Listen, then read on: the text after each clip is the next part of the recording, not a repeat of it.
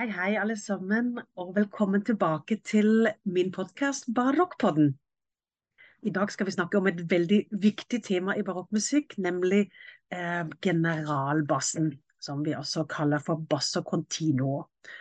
Um, ja, hva er dette egentlig? Eh, det høres jo egentlig ut som om det var et, kanskje et kjempestort bassinstrument, kontrabassinstrument, en sånn generalbass, men det er det altså ikke.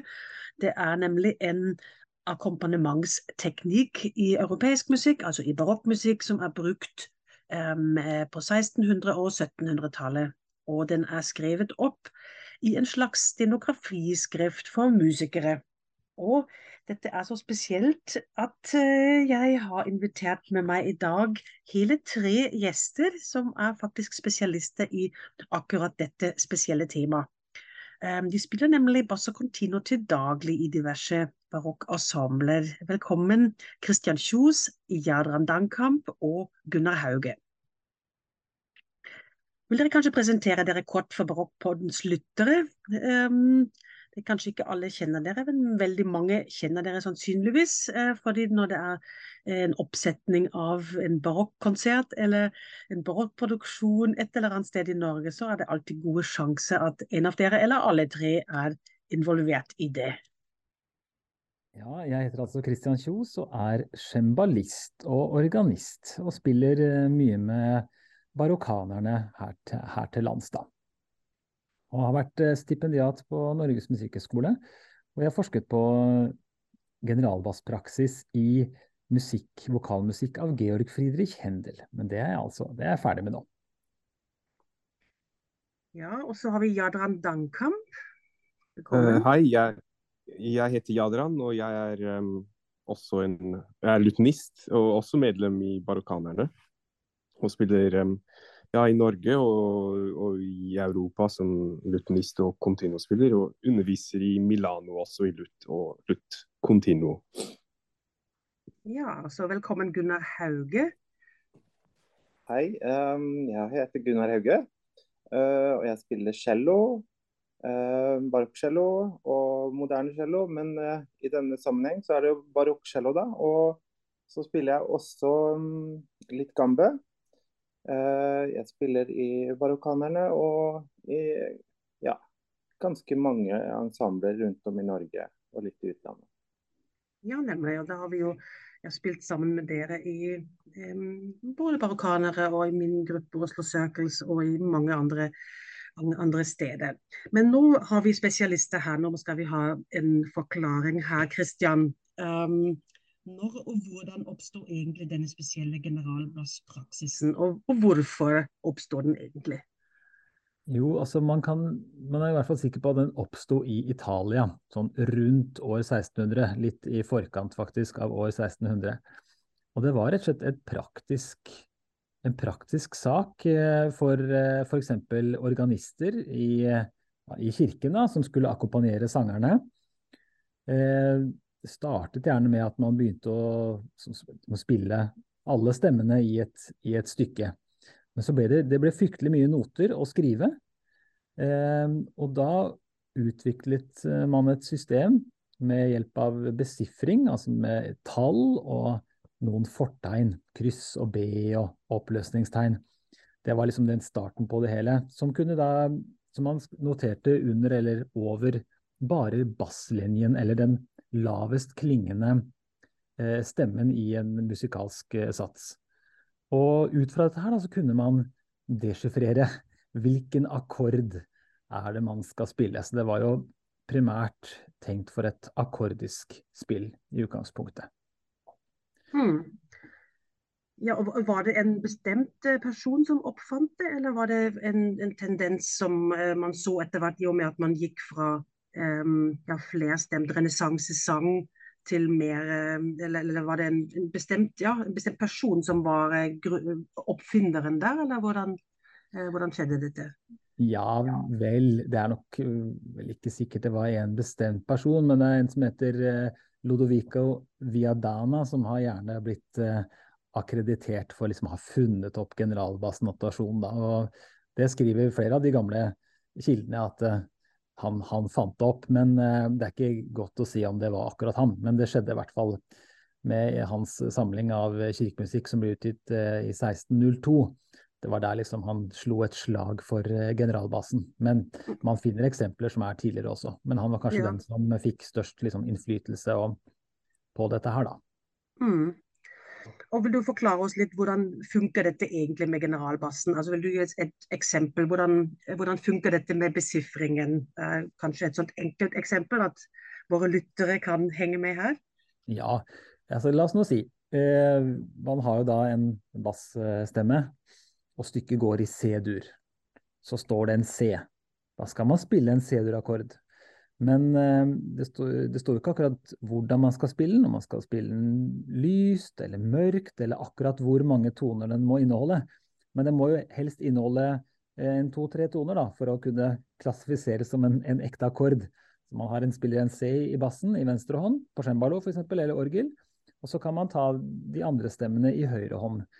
Det er liksom én måte å gjøre det på, da. Spiller man en E og en G og en C. Da har man en firstemt akkord, og det er liksom Eh, et, sånt, et start, eh, startpunkt. Men det kan også være trestemt og femstemt og seksstemt, og man kan bruke så mange fingre man, eh, man trenger eller ønsker. Mm, Men det er sånn det fungerer, da. Og så, og så kommer en G, en G etterpå, så spiller man en G-dur. Da er stykket går i C-moll, og det står en C, ja da spiller man en C-moll-akkord først. Og står det en G, mm. så spiller man en G-dur. Og så mm. det, kan man jo begynne å legge til diverse dissonanser og ja, fylle ut ting eh, som gjør at ting på en måte henger sammen, og ikke bare blir sånne blokkakkorder hele veien. da. Ja, nemlig. Men um, Jadran, eh, hvordan vet vi um, hvordan generalbassteknikken funket egentlig, hvordan man spilte den gang? Har man kilder da, som man kan lese, eller hvordan, hvordan vet vi egentlig hvordan, det, hvordan, dette prinsippet funket? Vet du noe om det? Ja, altså vi kan aldri vite Eller vi har, noen, vi har veldig mange eksempler da, på traktater og lærebøker på Continuo, særlig for, um, for tasteinstrumenter. Ikke så mange for lutt. Og en ting vi ser veldig fort, er at um, det var veldig mange forskjellige måter å spille på. da. Så det startet ofte Eller det startet, som Kristian sier, med at de, um, det var en for, form for korthånd da, for å skrive ned de stemmene som folk egentlig skulle spille. Og det var, det var ganske um, fullstendig harmonisering da, av en bassstemme. Fullstendig altså At de fulgte kontrapunktens regler og, og mm. lagde virkelig to-tre ekstra stemmer så, fra, fra, bassen. Um, men etter hvert så ser vi at de at uh, Contino, som også egentlig musikken selv um, endret seg. At det var ikke så viktig lenger å ha fullstendige stemmer, men heller at man skulle, man skulle lage en, en uh, ja, eh, støtte solostemmen, som er vanligvis, vanligvis sang, da, og, og, lage farger og sånn. Og da kan vi se at altså, no, i noen steder, særlig i Italia, så begynte de å, å bli ganske ville på, på, sine egne instrumenter og spilte noen ganger tolv stemmer på cembalo som Gasparini, og noen ganger to, bare for å lage dynamiske forskjeller og sånt. Men det er, det er veldig store forskjeller da, mellom både steder og tider. og og det var også fullt, altså, Å si at det utviklet seg i den retningen er feil, fordi egentlig så var det også selvfølgelig veldig Hvis vi går senere, jeg er helt sikker på at Christian kommer til å snakke om, om Bach og som er hans Han kan ekstremt mye om som mange mm. andre ting. Da, og da vi, der er det også en veldig fullstendig kontinuum, også kontrapunkt fra, en, eh, fra det, det perspektivet også, da.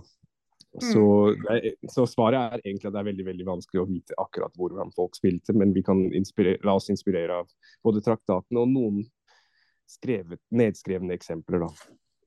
Ja, nemlig. Um, men eh, for dere, altså for Christian og Jaderen, dere spiller både bassen og, um, og akkordene over. Altså Dere spiller alle stemmene. Det er dere som er um, leser. Er bare en bassstemme, mm. og så improviserer dere ut ifra hva hva som er um, um, hovedstemmen eller sangstemmen, eller f.eks. i operaen eh, også en rolle. da, så Da har man jo mange um, ja, muligheter. Dere leser selvfølgelig også teksten, hva dette handler seg om, hva det dreier seg om, hva sangen synger om, hva operaen dreier seg om. og interpretere da bassstemmen dit hen. Og det kan gjøres på veldig forskjellige måter, ikke sant Kristian? Ja visst, det kan man eh, virkelig gjøre. Og det kan man jo også gjøre hvis man har flere instrumenter. Så om man har en lutt eller har cembalo eller orgel, så kan man også fargelegge på den måten. Men også måten man spiller på på de ulike instrumentene. At Mm. er det noe trist og tragisk, så er det gjerne litt mørkt og dypt og langsomt. Eh, og vice versa. Hvis det er noe lystig musikk, så kan man eh, bevege seg opp i register og. Det er sånn, sånn man kan være med å fargelegge. Og man kan også legge til noen ekstra, noen blåtoner her og der på ord som uttrykker smerte, eller ja, sånne ting. Mm. Ja, nemlig. Men så du, du har jo da en veldig forskjellig oppgave med din venstre og høyre hånd når du spiller eh, continuo, ikke sant? På venstre hånd vil du kanskje forklare det litt selv, hva, du, hva som er forskjellen der? Ja, altså i sånn rent praksis så pleier jeg altså Venstrehånden min spiller jo basslinjen som den er notert. Eh, mens Mm. høyrehånden, der må jeg jo finne på alt som skjer. Eh, så det er, det er liksom Det er jo, det er jo der mye av, mye av friheten i min type eller generalbasspill på tasteinstrument ligger jo. Hva er, hva er det man gjør i høyrehånden? Sånn grovt sagt. Ja, nemlig. Det er der improvisasjonen skjer. Og Gunnar, hvordan er eh, altså violoncellos oppgave i generalbassen? Hvordan, um, hvordan er den i forhold til de andre her? Ja, i forhold til uh, Jadran og Kristian eh, sitt perspektiv, da, så, så, så er jo på en måte uh, som instrument, og også andre strykebassinstrumenter, har på en måte en uh, litt, uh, kanskje litt annen inngang til det. Du, du har en, en, tenker den melodiske funksjonen og, og det retoriske eh, funksjonen i, i bassen til å mm, jo, eh, Disse mm, alle, alle instrumenter på den, på den tida, det var jo eh, em, Forbildet var på en måte det, det vokale. eh, Mm. stemmen. Og, og der, eh, der, der på en måte bruker du, eh, bruker du eh, instrumentet som en stemme, da. Og, og eh, akkompagnerer eh, med utgangspunkt i, i, i linjen istedenfor eh, harmonien. Eh, det perspektivet har vi mer av hos, eh, i strykebassen. Mm. Men du er jo også, altså hvis du f.eks. spiller en opera eller akkompagnerer en, en, eh, en, en sanger, så er jo du også Du er vel også interessert i teksten for å vite hva som eh, Ja, du akkompagnerer, ikke sant? Ja, selvfølgelig. Eh, altså, som jeg sa, så, så har du på en måte det, den, det, det melodiske, og så har du det, det retoriske eh, Mm. aspektet som du, som, og, og deklamasjon i, i basslinjen. Som um, for å, for å uh, eh, få fram uh, musikken og, og, og kanskje det som, det som da skjer i, i den vokale stemmen, hvis du snakker om opera eller kantater. Um, det, det er på en måte det, det som vi kan tilføre kanskje ekstra da, i forhold til eh, eh, eller lutt. Eh, som eh, du kan på en måte eh, forsterke den melodiske linjen i bassen. Mm. Mm. Det er også steder hvor, um, hvor kanskje den akkompanering eller den improvisasjonen til, eh, til eh, cembalo eller lutt f.eks. tar tar pause, og det er bare kun celloen spiller alene som bass for å ha fordi man har kanskje en, en grunn til det musikalsk. At, eh, at eh, du f.eks. da spiller alene sammen med sangeren for å um, uttrykke ensomhet, eller, eller hva det kan være. Liksom, kan jo være um, fortvilelse eller um, tomhet, eller sånn. At det nettopp mangler, eh, mangler ornamenter. Det kan jo også være en, um, en effekt, da. Nettopp. nettopp. Mm. Uh, så, så den instrumenteringen av, av, av basslinjen er jo på en måte uh, På ene siden så kan det være opp til oss i Continuo-gruppen å, å, å, å finne en, eh, en måte. Eller så kan det også være kan det stå indikert i, i musikken hvordan, eh, hvordan instrumenteringen ønskes. Eh, så det, det er veldig spennende da, hvordan, eh, hvordan man med forskjellige typer instrumenter og mange instrumenter kan lage masse farger i, i musikken.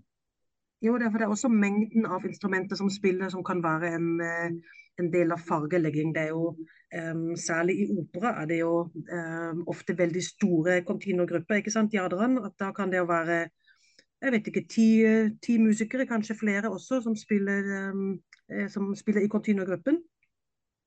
Ja, ja det, kan, det, kan, være det. Det start, altså et veldig kjent eksempel som da, som da har hatt stor innflytelse på alle andre, må, alle andre operaer, i hvert fall hvordan vi spiller dem i dag, er, er Monteverdis Orfeo, som da er veldig presist orkestrert i Continuo-gruppen. Men den er faktisk ekstremt uvanlig, fordi resten av operaene så står det nesten aldri noe om mm.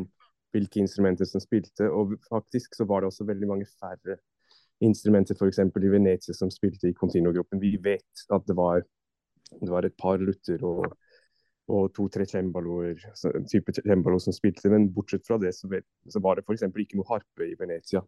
Så det, det, det, er også blitt en tendens, fordi den, denne rikelige klangen er så, så tiltrekkende, så har det vært en tendens særlig fra dirigenter fra 70- 80-tallet til å orkestrere, orkestrere vilt med harper og lironer og, og ting, bare fordi Monteverdi gjorde det da i, i Mantova.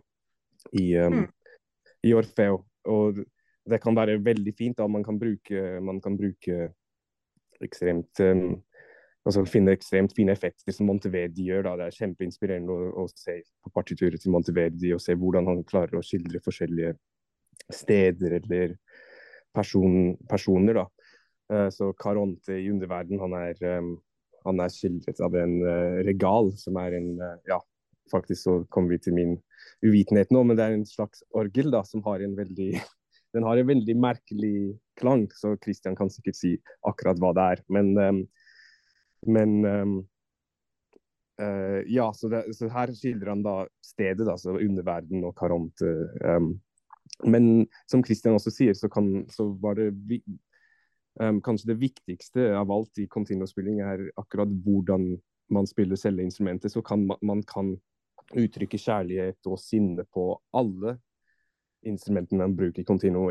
man må ikke skifte fra harpe fordi det er en engel, og så, og så skifte til en cembalo fordi det er en sint fyr etterpå. Så det er, det er, det er veldig spennende. Det, det, er noe som er veldig fint med continuo også, er at det faktisk gir ekstremt store muligheter til alle instrumenter til å, uh, til å spille, uh, spille, og uttrykke følelser.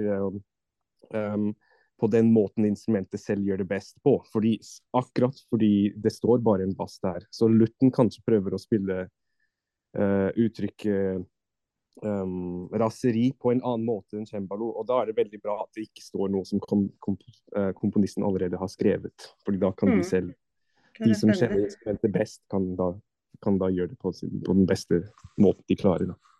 Mm.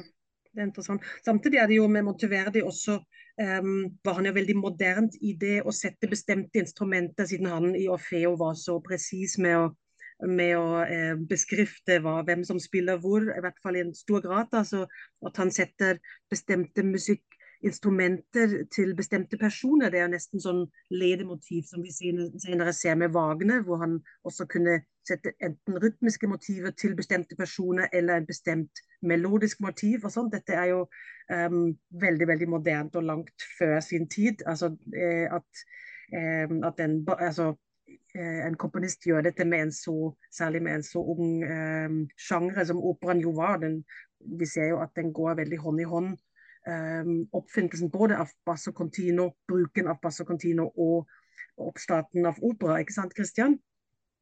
Ja, så absolutt. Det er, jo, det er jo til å akkompagnere det vokale at eh, generalbassen først og fremst ble brukt, og i alle fall i starten, på, i kirkemusikk, og som du sier, i, etter hvert i operasjangeren og, og kantater, altså verdslig musikk også. Mm. Men vi ser også at det fra 1600 blir det jo stadig mer instrumentalmusikk også. At det er en av de store tegnene også til, til barokkmusikk. Så vi ser også det er flere sonater og concerto, alle disse veldig concerto grosso, alle disse barokke formene. Der trenger vi også en basso continuo hvor det er det um, solostemme eller konserterende stemmer som spiller med hverandre, som blir akkompagnert av, av en eh, basso continuo. ikke sant? Helt riktig. Mm, ja.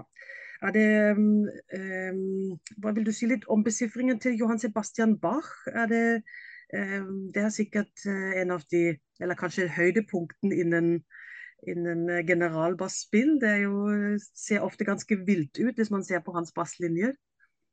Jo, så absolutt. Det er klart Når vi kommer til Bach og i høybarokken, senbarokken, så, så er det jo det harmoniske landskapet endret seg ganske mye fra 150 år eh, tidligere. Det har blitt eh, veldig mye mer komplekst, og det samme har generalbassnotasjonen.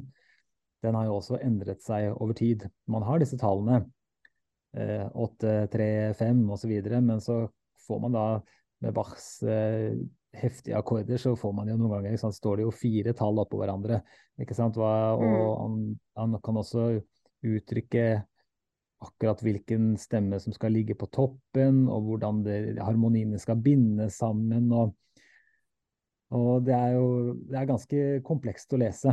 Og han noterer også på en spesiell måte mange ganger hvor eh, hvor, liksom, hvor, bassen er den tonen som egentlig ikke stemmer inn som ikke stemmer inn i det harmoniske bildet. At det, der selve bassen er dissonerende på akkurat et gitt slag. Og da mm. ser også generalbassnotasjonen også annerledes ut, da. Som er litt uh, komplisert å, å lese.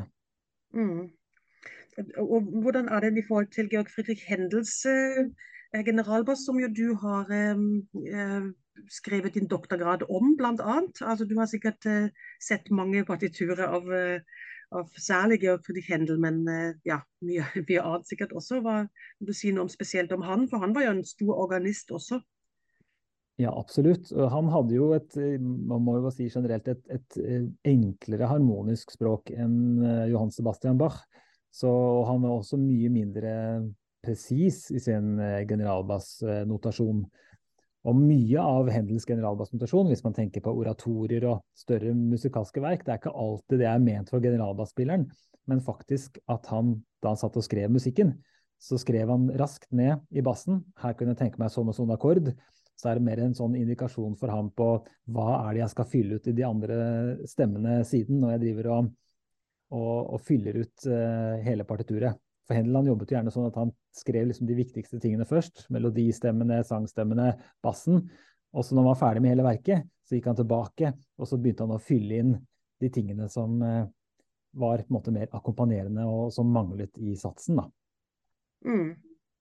Ja, det er veldig interessant. Så hver komponist har egentlig sin egen måte å bruke generalbassen sin på, eller skrive den på. Um, Jadran, har du Fins det kanskje andre komponister også som du kommer på som har en særdeles spesiell måte å besifre generalbassen sin på? Er det noen uh, sære eksempler der du vet om? Um, jeg prøver å tenke. um, jeg, altså, jeg tror det uh, Ikke som jeg vet om. Det. Jeg kjenner mange som ikke skriver noe i det hele tatt. Da. Særlig på 1600-tallet så er det veldig ofte at man ikke, at man ikke skrev noe, noe um, tall i det hele tatt, fordi det var etter hvert ganske uh, Det ble ganske opplagt at hvilken type akkord man kunne sette mm. uh, over hvilke altså Hvis bassen faller uh, går opp en, eller går opp en, en, sekund, så kan du Altså én tone på skalaen, så kan du sette en type akkord for å unngå, unngå parallelle kvinter, f.eks., som er I hvert fall hvis man vil følge stemmeføringsreglene, så er ikke det en bra ting. Og da er det og, da, og da, da var det, det ble veldig fort kodifisert da inn i en ja, Det ble kalt for oktavregelen, som egentlig da var bare Vi har noen eksempler på som er da en oktav som er da harmonisert Altså i en skala som er harmonisert oppover og nedover. Og um, uh, ja uh, det var flere teoretikere da, som, som da ga oss noen eksempler. Den mest kjente er eh, en som het Dandrie i, i, Frankrike, egentlig ganske sent, allerede på 1700-tallet, som da starter med den enkleste måten å harmonisere den skalaen. Og så, og så etter hvert så legger han til, til flere, flere, toner. Og det er ekstremt pedagogisk, da, fordi du ser du starter virkelig fra det enkleste, og så, så blir det mer og mer heftig etter hvert. Det, det, er, det er veldig spennende for noen som driver med det her, da. Men det er veldig mange andre eksempler da, fra, fra 1600-tallet også. Ja. Mm. Og, da, og da, det som er gøy, da, er at man kan Altså Igjen så er det continuo-spillerens rolle å bestemme seg. ok, er, er, det virkelig vits at jeg setter inn noen sånne fine harmonier og ekstra dissonanser her, eller hva er det som, som, som um, understreker det som vi prøver å gjøre i, i, i musikken her? Og da, ja, det gir oss en fin frihet som, som jeg syns er veldig gøy å, å, holde på med. og det er noe som man lærer hele tida. For eksempel så lærer man veldig av av å spille med folk som Gunnar og Christian for å se hva, altså hvordan de løser disse situasjonene. Så kan man bli inspirert, inspirert av dette. Og så, og så man, ja, man, det er en uendelig læringsprosess, da. Så det, ja. Mm. Det er mye sånn nonverbal eh, kommunikasjon også mens man spiller. Man mm. avtaler ikke nødvendigvis alle ting. Man bare ser den ene løser det sånn, og så henger man seg på, eller man svarer på en annen måte. Eller det er jo mye som som skjer i in the moment, ikke sant? Mm. Unnskyld.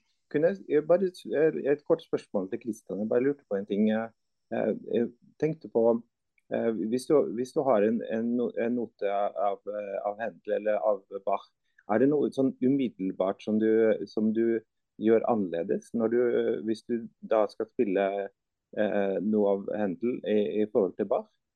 Som, hvordan du liksom nærmer deg eh, eh, spillinga. Det er jo interessant for meg. Til, bare tenkte på det. ja. ja, altså, det, altså De hadde jo litt eh, Det er jo en måte å, å, ta eierskap i det harmoniske språket, som Jadran snakker om dette med hver trinn i skalaen kan harmoniseres på ulike måter. og Man ser at Bach f.eks. tenderer til å gjøre harmonisere en sånn og sånn type akkordrekke eller en sånn, sånn type basslinje på den måten, mens Hendel har en litt annen tilnærming eller annen stil, da. Så det går, det går, jo rent på én ting, ja, det harmoniske. Og det andre er mer sånn eh, hva faktisk gjør, hvordan, spiller man dette her? Hvordan liksom, hvilke, ja, hvor mange stemmer bruker man, og hvordan er det de beveger seg? og Händel var jo absolutt inspirert av uh, italiensk generalbasspraksis, mens Hendel, Händel han er jo, kan du si, spydspissen av en tysk generalbasspraksis som utviklet seg løp, i løpet av 1700-tallet. Mens Händel er mer italiensk, altså. Mm. Um, Gunnar, vi må høre litt mer om celloens reise her også. fordi den, um, Cello var jo et uh, basso continuo-instrument, eller er uh, det selvfølgelig i hele barokken, eller i nesten hele barokken. Det er kanskje først er det mer um, Kanskje mer blåsinstrumenter som spiller eh, forsterker da selve basslinjen. Men så etter hvert blir da violoncello et av de store, viktige instrumentene, og går over til soloinstrument også. Da vil du snakke oss litt gjennom den prosessen som skjedde også da, eh, eh i ja. den tiden. Ja, du kan jo si at på en måte celloen, altså violoncello, er jo en liten, eh, liten violone, betyr det jo. Eh, og, mm. og den, den ble jo på en måte den kom jo til egentlig først på eh, andre halvdel av, eh, av 1600-tallet. Eh, og det, det, det, det, er jo blitt spekulert mye i, i, i hvorfor og sånn. Og det, først, det, er nok helt ganske sikkert at det var pga. Av, av teknologien med strenger. da fordi det, eh Før 1650 ca. Så, så, klarte vi ikke å lage bassstrenger som, eh, som fungerte på, på, kortere strengelengder. Eh, fordi de ikke hadde De klarte ikke å lage mm, den eh, metallomspunningen på, på tarmstrengene eh, god nok. Og Derfor så betyr det at eh, f.eks.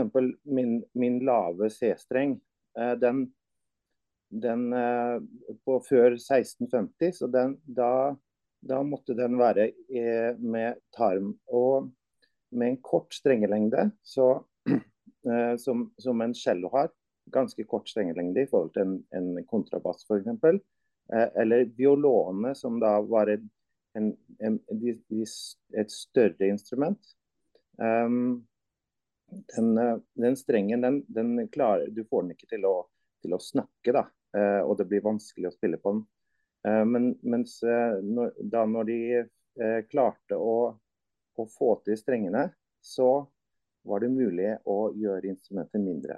Og når instrumentet ble mindre, så var det også mulig å, å måte Det var jo på en måte hele tiden en, en, en, et ønske om å, om å utvikle, utvikle eh, instrumentteknikken. Sant, eh, og gjøre ting enda mer spektakulært og, og sånn. Så, det, så de, de, som, de, som, spilte instrumentene, de, de ønsket å, å, få til enda bedre ting.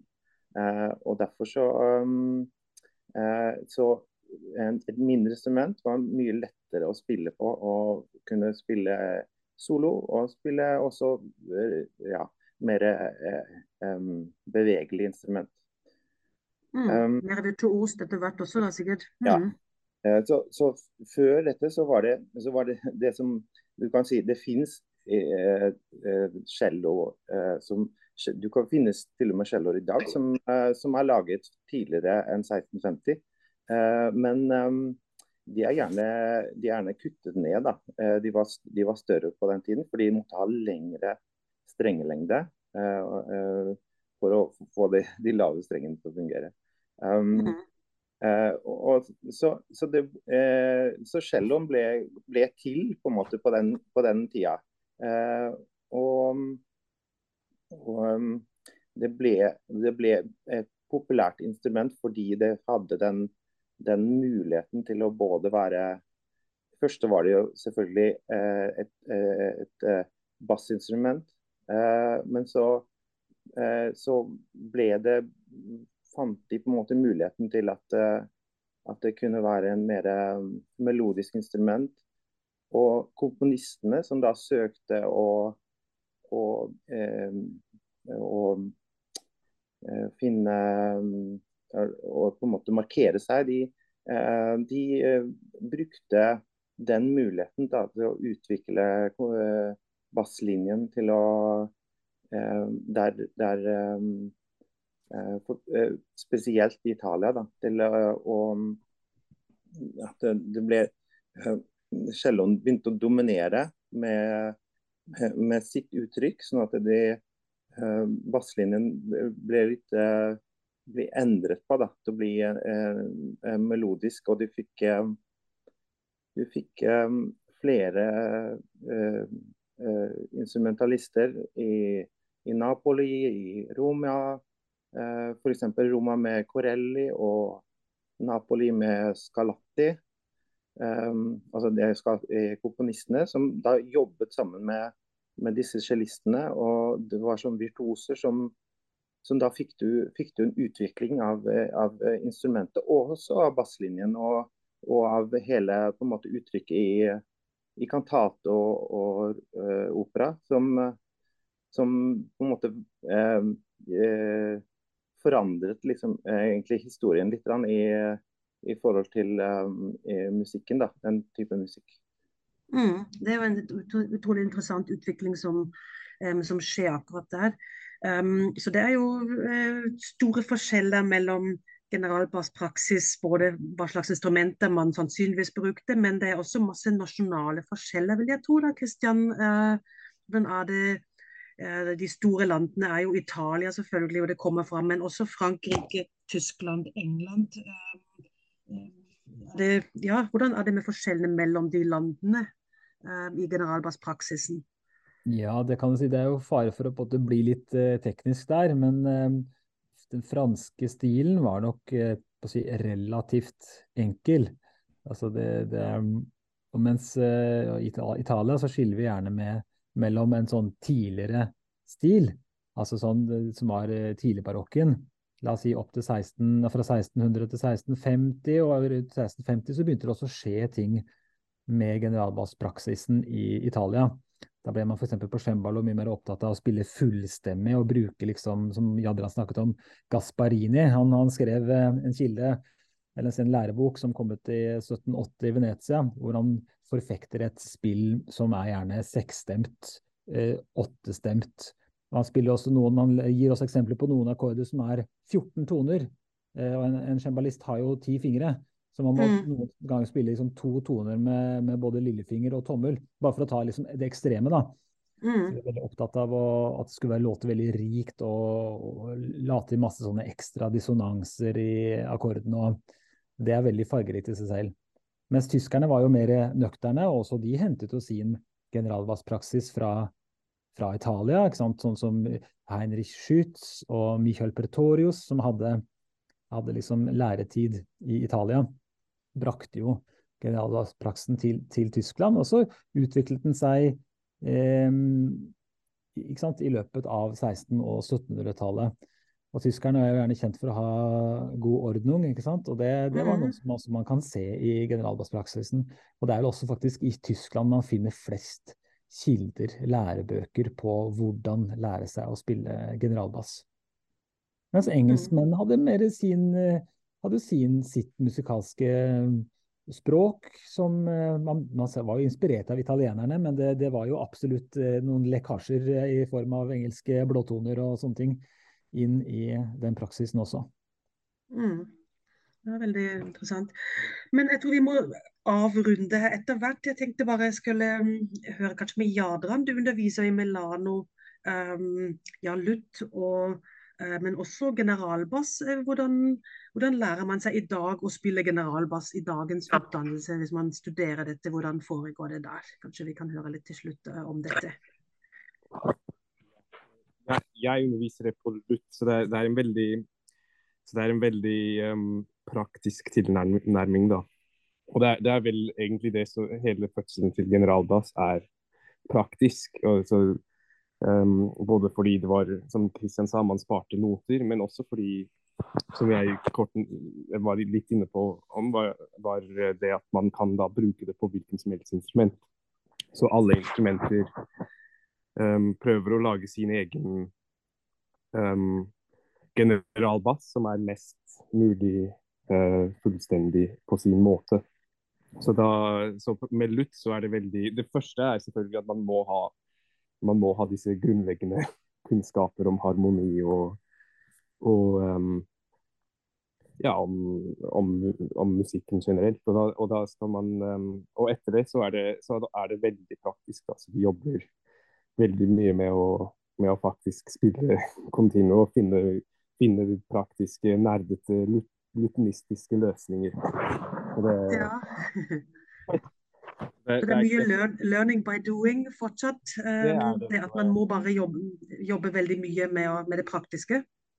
Ja, og særlig fordi Luth har ikke så mange kilder. Det er noen, og så har vi noen intabulasjoner av, um, av, uh, av, stykker. Så det, det er noe å, å, jobbe med. Men um, ja, du, du, spurte meg tidligere også om, om f.eks. Uh, om musikere som hadde litt spesiell uh, besifring. Som f.eks. Caccini, som da vi vet spilte akkompagnerte seg selv på lutt.